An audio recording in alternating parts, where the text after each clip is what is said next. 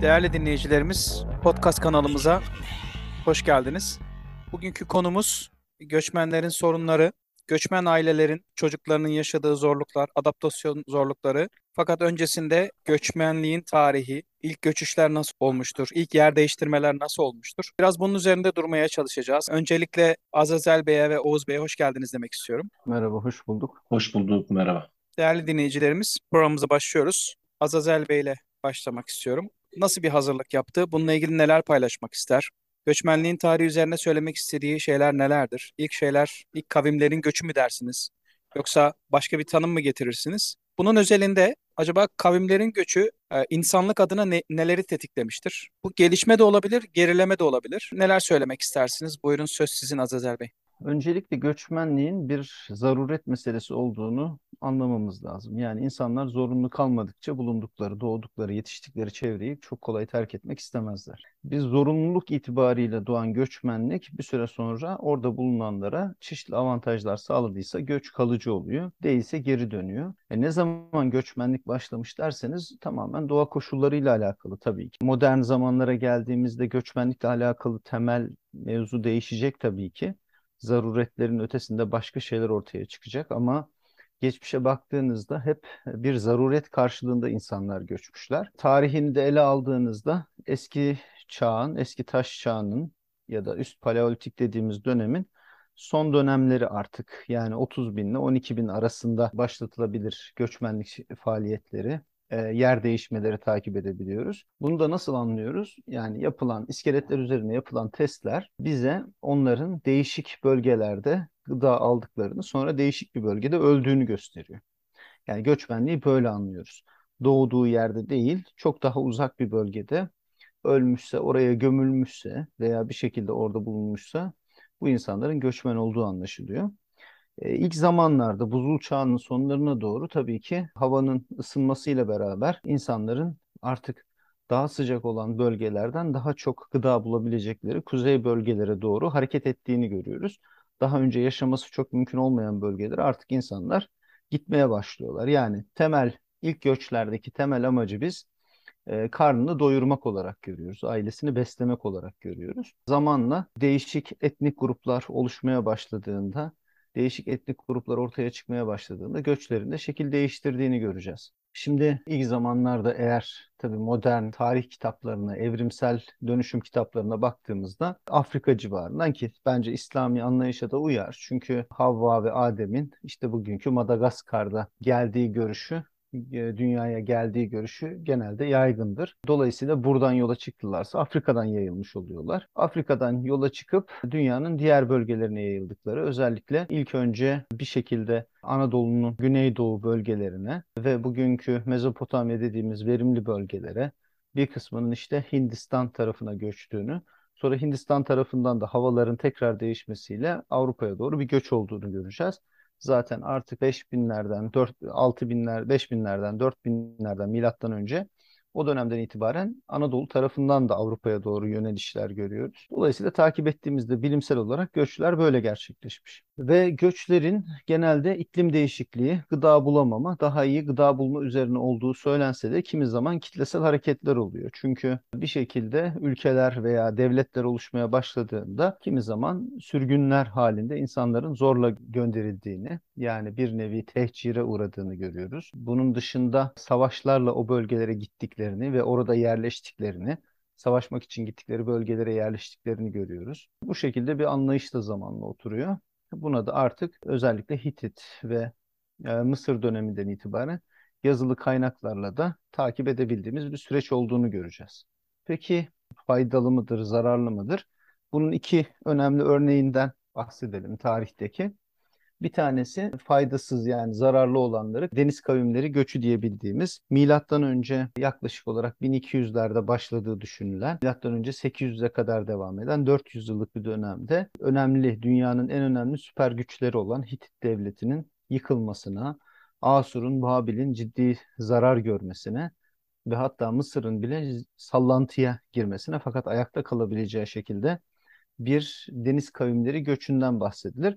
Tabii şu an çok karmaşık konumuzu çok dağıtmamak için detayına girmeyelim ama bu göçlerin e, o dönemin şehirciliğine, devlet anlayışına ciddi manada zarar verdiğinden bahsedilir. Kozmopolit hayat tarzını da Batı ile Doğu'nun kaynaşmasını da o dönem içerisinde özellikle Akdeniz üzerinden yürüyen ticaretle hareket eden kavimleri birbiriyle daha iç dışlı olmasına da faydası olduğunu her ne kadar söylesek de deniz kavimleri göçü genel itibariyle bir yıkım olarak görülür tarihte.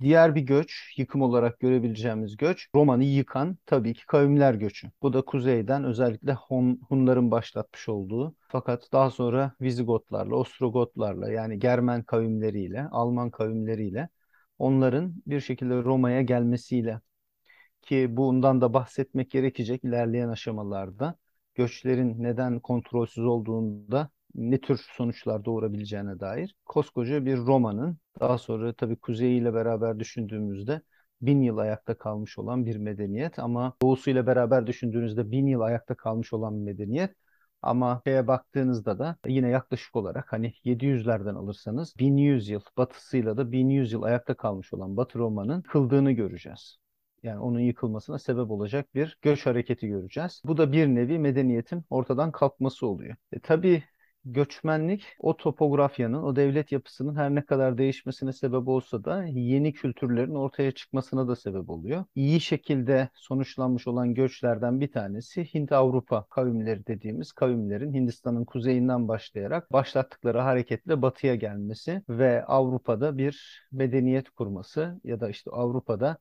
bir şekilde yer edinmesi, oradaki kültürle kaynaşması, adapte olması ve bu şekilde gelişmiş medeniyetlerin ortaya çıkması. Şunu görüyoruz, göçmenler geldikleri yerlerde önemli yıkımlara sebep olsalar da bir süre sonra bakıyorsunuz ayrı bir medeniyetin doğmasına sebep oluyor. Burada kitlesel göçten bahsediyoruz. Parça göçlerde ise daha çok ticaretin gelişmesine katkıda bulunduğunu, oraya adapte olduğunda o ülkeye ciddi manada katkıda bulunduğunu bunu görüyoruz ki modern çağdaki göçmenlik de herhalde temel olarak bu merkezde ilerliyor. Belirli bir birikime sahip olan bir toplumun başka bir toplumla kaynaşmasıyla güzel bir denklem oluşturması orayı çeşitlendirmesi Amerika'ya mevcut Amerika'ya yapılmış olan göçleri de buna en iyi örnek olarak gösterebiliriz ki bugün Amerika dünyanın en çok göçmene sahip olan ülkesi konumunda her halükarda. Bu nedenle de göçlerin faydaları vardır, zararları vardır ama tarihsel gelişimine şöyle uzaktan detaylarına girmeden baktığımızda genel itibariyle bu kadar söyleyebiliriz herhalde. Oğuz Bey'in de katkıları olacaktır inanıyorum. Ee, ama tarih özelinde konuya başladığımız için e, şunu da sormadan edemeyeceğim. Belki dinleyicilerimizin de merak ettiği bir konu olacak bu biz bu göçü kaça ayırabiliriz? Ee, tarih noktayı nazarından konuyu ele aldığınızda. Kaç çeşit göç vardır? Yani e, zorunlu göçlerden, zorunlu olmayan göçler gibi. Yani siz ne dersiniz? Tarihe baktığınızda kolonileşme de var mesela. Bunlar da bir göç sınıfından sayılabilir. Mesela Avustralya yine Avustralya'ya baktığınızda böyle bir göç olmuş. Nasıl ayırırsınız? Tabii yani bu kolonileşme bunların yani modern çağdaki özellikle düzenli göçmenlik, düzensiz göçmenlik diye ayrılıyor. Malumunuz düzenli göçmenlik bir şekilde oraya adapte edilmek için bir topluluğun çekilmesi, orada bulundurulması üzerine odaklı. Ee, düzensiz dediğimizde o insanların kitlesel olarak oraya gelmesi, çeşitli şeylerden kaçıp o ülkeye sığınması yönünde. Ee, Ahmet Arslan Hoca'yı çok severim. Önemli bir değerdir bence. Türkiye'nin önemli değerlerinden biri. Umarım değeri de anlaşılır. Onun çok güzel bir sözü var. Göçle alakalı. Diyor ki göç kötüden iyiye doğru gider. Kötü bir durumdan iyiye doğru hareketlenmeyle ortaya çıkar. Burada da şunu ortaya koyuyor. Yani doğudan batıya göç varsa bugün o zaman bu batının doğudan daha iyi durumda olduğunu gösteriyor. Yani burada işte o zorunlu ya da hani e, düzensiz göçmenlik dediğimiz mevzu genel itibariyle kötüden iyiye doğru bir kaçış oluyor. Bu açıdan değerlendirebiliriz. Ama bunun dışında yani zorunlu göç dediğimiz gibi ekonomik nedenlerle oluyor, savaş nedeniyle oluyor, sürülme, tehcir edilmeyle göç gerçekleşmiş oluyor. Diğer bir şey de ha, iklim koşulları nedeniyle bozulan iklimden, daha kötü iklimden, hastalıklardan kaçmak için insanlar başka bölgelere sığınıyor geçmiş dönemdeki o dönemde düzenli göçmenlik olmadığına göre temel olarak bu üç alanda değerlendirebiliriz diye düşünüyorum. Belki Oğuz Bey'in de bu noktada katkıları olur.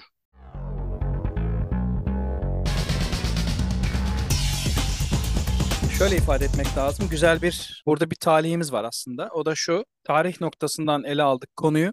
e, güncel yani göçmenliğin dünyada belki topografik olarak hem de e, sosyo, sosyokültürel olarak e, en çok etkilenen ülkelerin belki de başında gelen Türkiye'de yaşayan Oğuz Bey'in düşünceleri bu yönüyle e, iki ucu birbirine birleştirecektir diye düşünüyorum. Göçmenliği anlamak noktasında ve şu an bu kadar yani dünyamız ne kadar yaşlıysa gelinen nokta itibariyle göçmenliğin artık neyi ifade ettiğini bir ülke için neler kattığını, ülkeyi e, nasıl evirdiğini veya ona doğru gittiğini, e, göçmenlerin nasıl bir psikolojiye sahip olduklarını, ilk gelişleri itibariyle şu an göçün en çok alındığı yerlere de yakın yaşıyor kendisi. Sadece bu sorunsallık üzerinden ele almasını istemiyorum tabii ki. Bir kendine göre de tanımlamasını. Bu noktadan başlayarak günümüz göçmenliği üzerine fikir imal etmesini rica ederim. Buyurun Oğuz Bey. Teşekkür ederim. Öncelikle tabii yine Azazel Bey çok güzel bir giriş yaptı. Ruhumuzu da tatmin eden göçmenlikle alakalı. Göçmenliğin tarihçesini detaylı olarak anlattı. Dinlerken bir ara bir gözlerim dalmış, uyumuşum ama o şeyi Tabii göçlerden bahsetti işte kavimler göçünden vesaire. Tabii ben o konulara girmek istemiyorum. Hakan Bey'in de dediği gibi göç hakkında en çok etkilenen coğrafyalardan birindeyiz. Bugünün olduğu gibi tarih boyunca da en çok etkilenen coğrafyalardan bir tanesi Anadolu coğrafyası olmuştur. Ya ben şunu söylemek istiyorum. Azazel Bey Roma İmparatorluğu'nun yıkıldığından bahsetti de kavimler göçü sonrasında yanlış mı hatırlıyorum Azazel Bey? Aslında ilk etapta ikiye ayrılmıştı Cermen kavimleri etkisiyle zannediyorum öyleydi. Yok yani Roma İmparatorluğu'nun ayrılmasının kavimler göçüyle alakası yoktur bölünmesinin. Yok, Bölünmesi yok. tamamen politik bir olaydır. Yani neticede yıkılması tamamen göçlerle alakalıdır. Göçlerin kontrol edilmemesiyle alakalıdır. Ben eksiğimi tamamlamış oldum. Sağ ol, teşekkür ederim.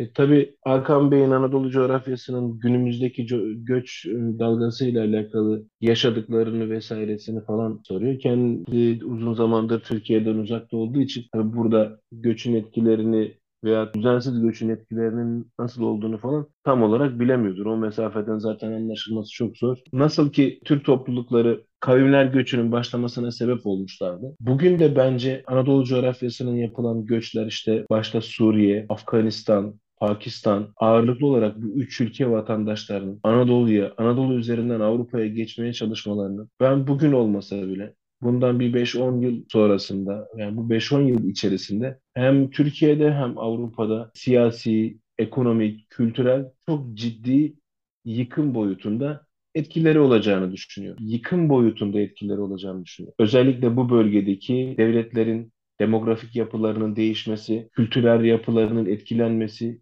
ve bununla birlikte burada kalan şu anda neredeyse yaklaşık 5 milyon 6 milyon arası bir göçmen var Türkiye'de. Bunların da %90'ının Suriyeli olduğunu, 4,5-5 milyon civarında insanın Suriyeli olduğunu düşünürseniz ve bunların her geçen gün çoğaldıklarını yani hem göçle hem de doğum yoluyla çoğaldıklarını düşünürseniz bundan 5-10 yıl sonra bu bölgenin ne şekilde yani siyasi, ekonomik ve kültürel açıdan ne şekilde etkilendiğini hepimiz göreceğiz. Yıkım derecesinde etkileneceğini ifade ediyorum ben her zaman böyle bir konu açıldığında. Az önce Azazel Bey'in de hatırlattığı gibi Roma İmparatorluğu gibi koskoca bir imparatorluğun da yıkılmasına sebep olmuş bir göç dalgasından bahsediyoruz aslında ki bence e, Azazel Bey o rakamları rakamları biliyor mu bilmiyorum yani kaç milyon insan Roma İmparatorluğu'nun topraklarına göç etmişti işte Ostrogotları, Vizigotları, Cermen kavimleri yani kaç milyon insan göç etmişti ama şu anda Türkiye üzerinden Avrupa'ya geçen, Türkiye'de kalan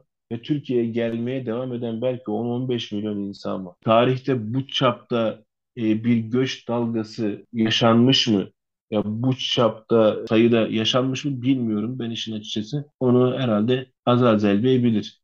Ama Hakan Bey'in de dediği gibi evet Türkiye'de göç ve göç dalgasıyla alakalı ciddi derecede olumlu ve olumsuz tepkiler var. Kendi açımdan şöyle söyleyebilirim. Yani ülkemde göçmen istemiyorum demiyorum. Yani diyemiyorum. Çünkü yarın ne olacağı belli değil. Ya biz de sonuç itibariyle bir yerde göçmen olabiliriz. Bir yere göç etmek zorunda kalabiliriz. Çünkü tarihte hep böyle olmuş. Siz işte göçü kaça ayırıyorsunuz vesaire falan dediğinizde şunu sormak istiyorum. İnsanlar çok nadirdir zannediyorum. Keyfe keder, canı istediği için işte ben canım çok istiyor veya burada çok sıkılıyorum. İşte memleketimi, doğduğum toprakları, yaşadığım, yıllarda yaşadığım ülkeyi bırakayım. Buradan Avustralya'ya gideyim, işte Kanada'ya gideyim, Avrupa'ya gideyim falan.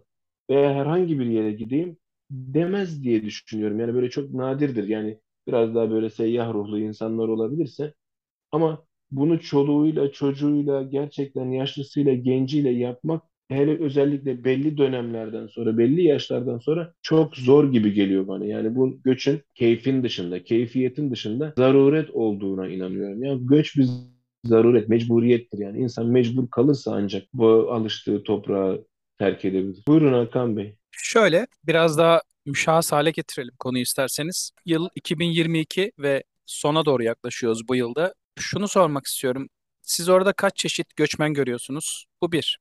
İkincisi göçmen aileler ve çocukları üzerine çok kısa şeyler söyleyebilir misiniz? Çünkü ilerleyen dakikalarda belki biraz daha özelden paylaşacağız bu konuyu. Üçüncüsü de en önemli tarafı Türkiye'nin neticede bunlar isterseniz istemezsiniz ama bunlar entegre olacak ve sizin dediğiniz gibi evrilecek. Nasıl olacak biz bilmiyoruz. Bunun 5-10 senesi var. Ben de aynı seninle kanaatteyim yani. Bu konuda aynı düşünüyoruz. Bir de insanların bakış açısıyla, entelektüelinden avamına kadar. İnsanların çünkü ortada bir pasta vardı ve bu pasta dilimlendi ve pastanın bir kısmında bu insanlar artık vasıflısı ve vasıfsızı olmak üzere bu da önemli değil benim için ama bu pastadan hak sahibi oldular. Öyle veya böyle sebeplerden dolayı önemli değil. Ee, bir de halkın bakış açısını bu işin e, artarken ki şekliyle halkın bakış açısını ve bunların hepsini birlikte düşündüğünüzde onu daha sonra sormak istiyorum ama bir de nefret söylemi var yani. Halkta artan bir nefret söylemi. Ne demek istersiniz? 2-3 tane soru oldu. Şöyle söyleyeyim, en sondan başa doğru gitmek istiyorum o zaman. Halkın bakış açısı, nefret söylemi vesaire. Bahsettiğiniz pasta konusu yani belli bir ekonomik gelir var Türkiye'de. Yeterli değil. Kendi insanı için de yeterli değil. Gayri safi milli hasıla açısından bakarsanız tabii aslında normalde belki çok çok artabilecek hem ülke olarak gerekirse 10 milyon 15 milyon göçmeni bile doyurabilecek bir aslında kapasitemiz olmasına rağmen kapasitenin yanlış paylaştırılması vesaire falan konular çok uzun meseleler. Başka bir günün konusu olabilir. Bu pastadan göçmenlerin aldığı pay e, veya bu pastaya ortak olmaları deyince Türkiye'de bu konuda ilk başlarda işte Ensar Muhacir, işte kardeşlik, din kardeşliği üzerinden yapılan propagand, propagandalarla birçok insan özellikle din konusunda hassas bu konuyla aldatılmaya müsait birçok insan buna ses çıkarmamıştı. Ama bugüne gelindiğinde aradan 5-6 yıl geçmiş insanlar bazı şeylerin farkına varmış durumdalar. Ya arkadaş bu adamlar evlerine dönmek için bu ülkeye gelmediler, gelmiyorlar. Yani bu bu adamlar yarın kendi ülkelerinde savaş bitse, her şey düzelse bile ancak tatile gitmek için, tatil yapmak için kendi ülkelerine dönecekler algısı burada oluşmuş durumda. Bu da insanları ciddi derecede rahatsız ediyor. İşte bu noktada nefret söylemi başlıyor. İşte göçmenlerin tamamıyla alakalı bu sefer. Yani ihtiyacı olan, ihtiyacı olmayan vesaire yani gerçekten mecbur kalmış ve keyfe keder hani burada bazı şeyleri yapan insanlarla alakalı ciddi bir hepsini aynı kefeye koyarak bir nefret söylemi başlıyor. Evet doğru hepsi aynı kefede değil fakat insanlar bunların çoğunun işte plajlarda nargilelerle işte bilmem nerede nargilecilerde şunlarda bunlarda takıldığını. Yani ben sadece olayın e, kendi bakış açımı değil, insanların bakış açısını aktarmaya çalışıyorum. Boş adamlar, aylak adamlar olduklarını, tırnak içerisinde e, ahlaki konularda ciddi sıkıntıları olduğunu ifade ediyorlar.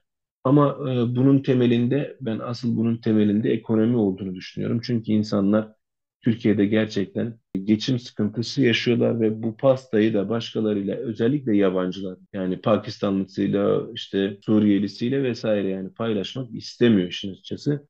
Ve bunların da sayısının her geçen gün artması ciddi tepkiler doğuruyor. Hatta siyasi olarak da bu nefret söylemini bugün bayraklaştıran işte bu nefret söylemiyle bir kendisine bir yol açan siyasi figürler hiç insanların beklemediği belki ortada yani ismini bile duymayacak, normalde ismini bile duymayacak insanların onun ismini duyduğunu, o siyasi figürün veya figürlerin ismini duyduğunu ve onun peşinden gitmeye başladığını görüyorsunuz. Yani bana şöyle geliyor. Yani Hitler Almanyası'nın e, doğuşu, Nazi Partisi'ne işte Nasyonel Sosyalist Parti'ye girişi ve o partideki söylemleri, işte ırkçı söylemleri, ırkçı ifadeleri daha sonrasında işte özellikle Yahudilerin ülkede ekonomik açıdan Almanların hakkını gasp etmesini, e, gasp ettiğini anlatması ve bu söylemi kullanarak e, hem kendisine Nasyonel Sosyalist Parti'de hem de artık partinin partiyi ele geçirdikten onun lideri olduktan sonra da genel olarak Almanya üzerinde etkili olduğunu görüyorsunuz. Ben hani benzer bir şey görüyorum yani o siyasi figürde veya figürlerde. Gerçekten çok etkili oluyor. Birçok insan hiç onu tanımayan insanlar artık tanıyorlar vesaire falan. Yani bu bir nefret söylemi ve yani gerçekten bir nefret söylemi. Eğer bak bu konu anla- bu konu konuşulur, oturulur, anlaşılmaya çalışılır ama ben bunun artık nefret boyutuna yani insanlıktan çıkılarak başka boyutuna yani otobüslere değil kamyon kasalarına doldurup gönderelim mantığı yani artık insanların kafasında oluşturulmaya çalışıyor. Bunun insani olmadığını düşünüyor. Diğer e, mesele de göç konusunda insanların e, buraya birçoğu Pakistan bakın Afga pardon Afganistanlılar haricinde Suriyelilerin burada çoğunluğunun ailesiyle geldiğini buraya ailesi aileleriyle geldiklerini eşleriyle çocukları babaları anaları neyse geldiklerini söyleyebilirim. Ama Afganistan göçünü ayrı tutacağım burada. Yani onu Afganistan göçünün başka maksatlarla planlı olduğunu ve belli yaş aralığındaki erkeklerin özellikle getirildiğini bakın göç ettiğini değil Türkiye'ye getirildiğini ifade ediyorum, ifade etmek istiyorum ve bunu ayrı tutuyorum.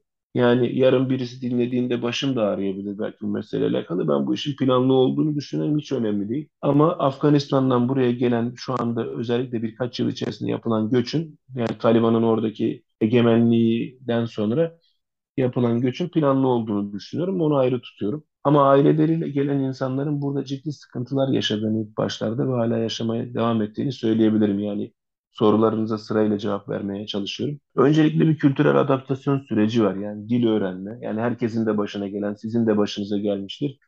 Dil öğrenme ve kültürel adaptasyon sü- şeyi var, süreci var. Yani farklı topluluklarız, farklı e, yaşadığımız şey, aynı coğrafyada yaşamış olup da farklı kültürlerden gelmiş insanlarız. Adaptasyon sürecinin çok uzun süreceğine inanıyorum. Sizin dediğiniz gibi yani 6 5-6 yıl olmuş, bir 10 yıl daha geçince çok farklı yerlere bu meselenin evrileceği kanaatindeyim. Süremi de aştım. Yani siz de ikaz ediyorsunuz. Teşekkür ediyorum ben yani. En azından bu kadarcık da olsa fırsat verdiğiniz için Ben Hakan Bey. değerli düşünceleriniz için teşekkür ederim. Konuya bağlı kalmanızı yani ilerleyen dakikalarda yine bağlı kalarak devam etmenizi istiyoruz. Çünkü bu konu üzerinde konuşulacak bir konu. Göçmen ailelerin çocukları üzerine demek ki fikri imal edemeyeceğiz bugün. Göçmenlik üzerine konuşmaya devam edeceğiz. Sizden de yine özellikle Anadolu coğrafyası konuyu biraz daha aydınlatmanızı isteyeceğiz. Onun için ben zaten bir küçük işaret düştüm. Daha rahat hem bir düşünmek için de vaktiniz olacak. Bu arada bir nefes almış olursunuz. Azazel Bey ile yine devam etmek istiyorum.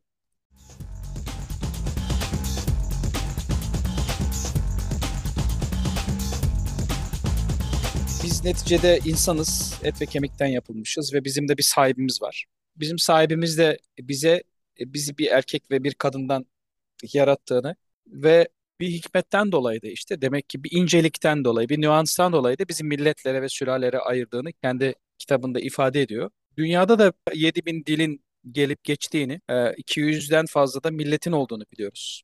Ülkeler bazında ele aldığınızda. Dolayısıyla konuya öyle baktığınızda göçmenliğin aslında gerçekten de bir hayır tarafının ve güzellik tarafının insanı olgunlaştırıcı taraflarının da olduğunu söyleyebiliriz. Hem ailelere hem de bireylere bakan yönüyle.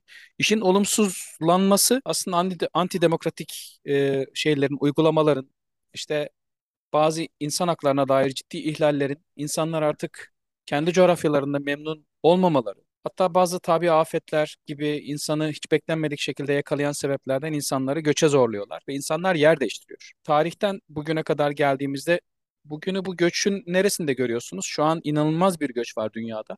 Hatta göçmenlik konusunda akrediteleri olmuş ülkeler var, Afrika ülkeleri var. Akredite olmuşlar, istedikleri gibi gidebilirler ve hemen alınırlar. Almanya'da buna dair uygulamalar çok fazla. Bunun dışında da akredite olmuş bazı ülkeler var. Yani göçmenlik aslında bir taraftan baktığınızda insanın vazgeçilmezi. Yine çok sevdiğim bir Evet. insanın yaklaşımıyla baktığınızda insan durağanlıkta atalete gidiyor. Atalet de dediğimiz şey Evet. yine durağanlık aslında ama atalet de yokluğa götürüyor diye bir sözü var. Bu yokluktan Evet. kasıt Adem dediğimiz Osmanlıca'daki karşılığı tamamen yok olmak değil. Yokluk. Fakat Evet. evet yokluğa yani hareketsizliğe ve üretmeyi sıfırlamaya götürüyor. Aynı yerde yok çok fazla yaşamak, çok durağanlık, Hı hı. cisimlerin hareketine hatta e, mi- mikrokozmos, makrokozmosa baktığınızda hepsinde çok ciddi yer değiştirme, devinim ve hareket olduğunu görüyoruz. Bu noktadan ele aldığınızda çok dağıtmadan sorum da anlaşıldı gibi düşünüyorum ama ne, ne eklemek istersiniz? İnsanlık tarihine olumlu katkıları da oldu evet. Fakat sanki göçmenlik ve göçmek ister zorla olsun, isterse de kendi gönlünce olsun, ister şartlar gerektirsin, isterse tsunami olsun, isterse antidemokratik bazı e, şeylerin uygulamaları olsun, Uygulamalar devletlerin olsun. uygulamaları olsun, isterse ekmeğini kaybetme olsun. Ne olursa olsun. Ben zaten demokratik bir hak olarak bakıyorum yer değiştirmeye ne olursa olsun. Belki onun üzerine ayrı bir tartışmak lazım. Fakat ne eklemek istersiniz, nasıl devam ettirmek istersiniz? Buyurun lütfen. Öncelikle bir hak mıdır? Bu tartışılır. Yani şimdi dünyada daha önceki dönemlerde var olan göçmenlikle bugünkü göçmenliği aynı kefeye koymamak lazım. Az önceki soruyu da yine Oğuz Bey'in sorusunu da kapsayacak şekilde şunu söyleyeyim. Dünyanın hiçbir döneminde bu dönemki kadar büyük bir göç hareketi görülmedi. Çünkü bu kadar büyük bir nüfusa hiçbir zaman ulaşılmadı. Roma döneminde göç, o kavimler göçü gerçekleştiğinde dünyanın nüfusu muhtemelen 50 ila 70 milyon arasındaydı. Şu anda 7 milyar insandan bahsediyoruz. O dönemde o göçü gerçekleştiren insanlar taş çatlasın hadi 200 bin, 300 bin gibi müthiş bir rakam yani o dönem için müthiş bir rakam ancak olabilir ki daha öncesinde bu insanlar gelip Roma'da zaten çalışıyorlardı. Orada askerlik yapıyorlardı, paralı askerlik yapıyorlardı. Gelip e, kölelik e, benzeri bir hizmetçilik vazifesi görüyorlardı vesaire vesaire.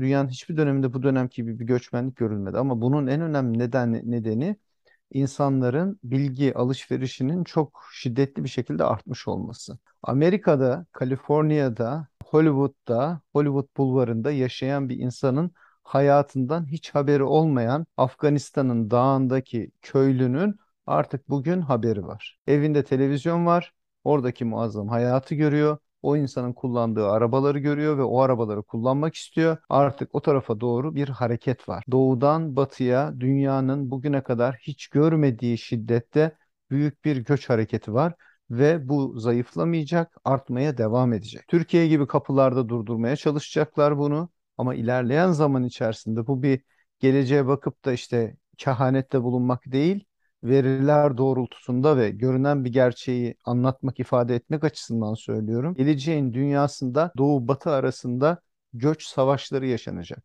Kapılar kapanacak. Bakın siz de ben de düzenli göçmeniz. Buraya ben iş için geldim. Siz oraya iş için gittiniz. Kağıtlarınız, işlemleriniz yapıldı. Baktılar. Dediler ki bu insanlar eğitimli, kültürlü insanlar. Bizim ülkemize katkıda bulunurlar ve bizi içeriye aldılar. Düzensiz göçmenlik her ikimizin yaşadığı ülkede de devam ediyor ve insanlar buraya geliyorlar. Gelmelerine izin veriliyor. Çünkü bu insanların ayakları üzerinde bu ya da bu insanların kafalarına basarak diğer insanlar üzerine çıkıyor. Burada ya da sizin yaşadığınız ülkede İngilizceyi aksansız bir şekilde konuşabilen insanlar aksanlı konuşan insanlara göre daha üst basamakta yer alıyor. Zeka olarak daha üst basamakta bulunmayabilir. Yetenek olarak daha üst basamakta bulunmayabilir sadece ve sadece teninin rengiyle, konuşabilmesiyle bir üst basamakta görülüp ona göre değer veriliyor. Dolayısıyla her gelişmiş ülke göçmenlerin başlarının üzerinde yükselir. Bununla ilgili ben bir konferans verdim burada. E, İngilizce olarak bir konferansa davet ettiler. Göçmenliğin tarihiyle alakalı bir bilgi istediler. Yaklaşık bir 45 dakika e, bir konferans verdim.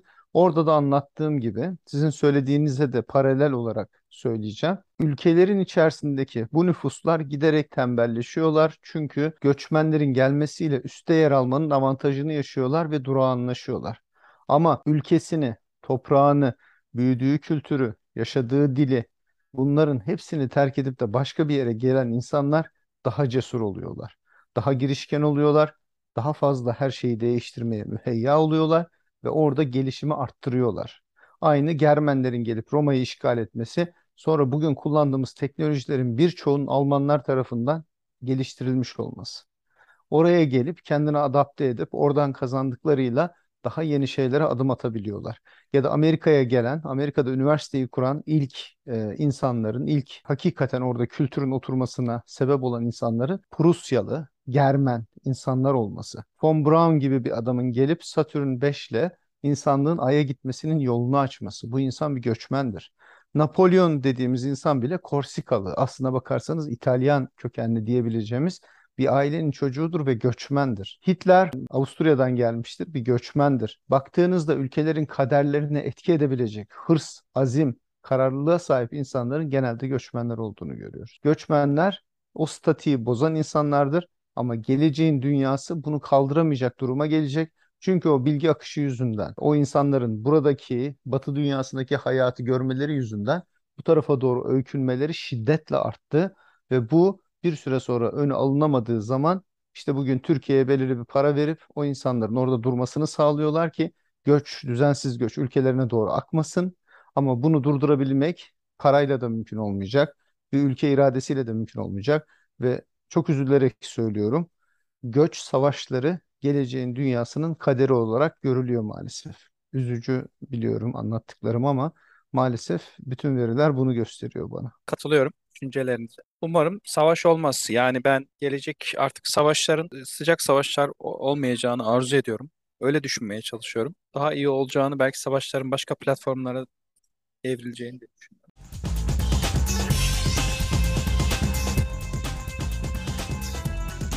Değerli dinleyicilerimiz, programımızın birinci bölümü burada sona erdi. Konuya devam edeceğiz. İkinci bölümde tekrar buluşmak üzere. Bizleri dinlediğiniz için teşekkür ederiz.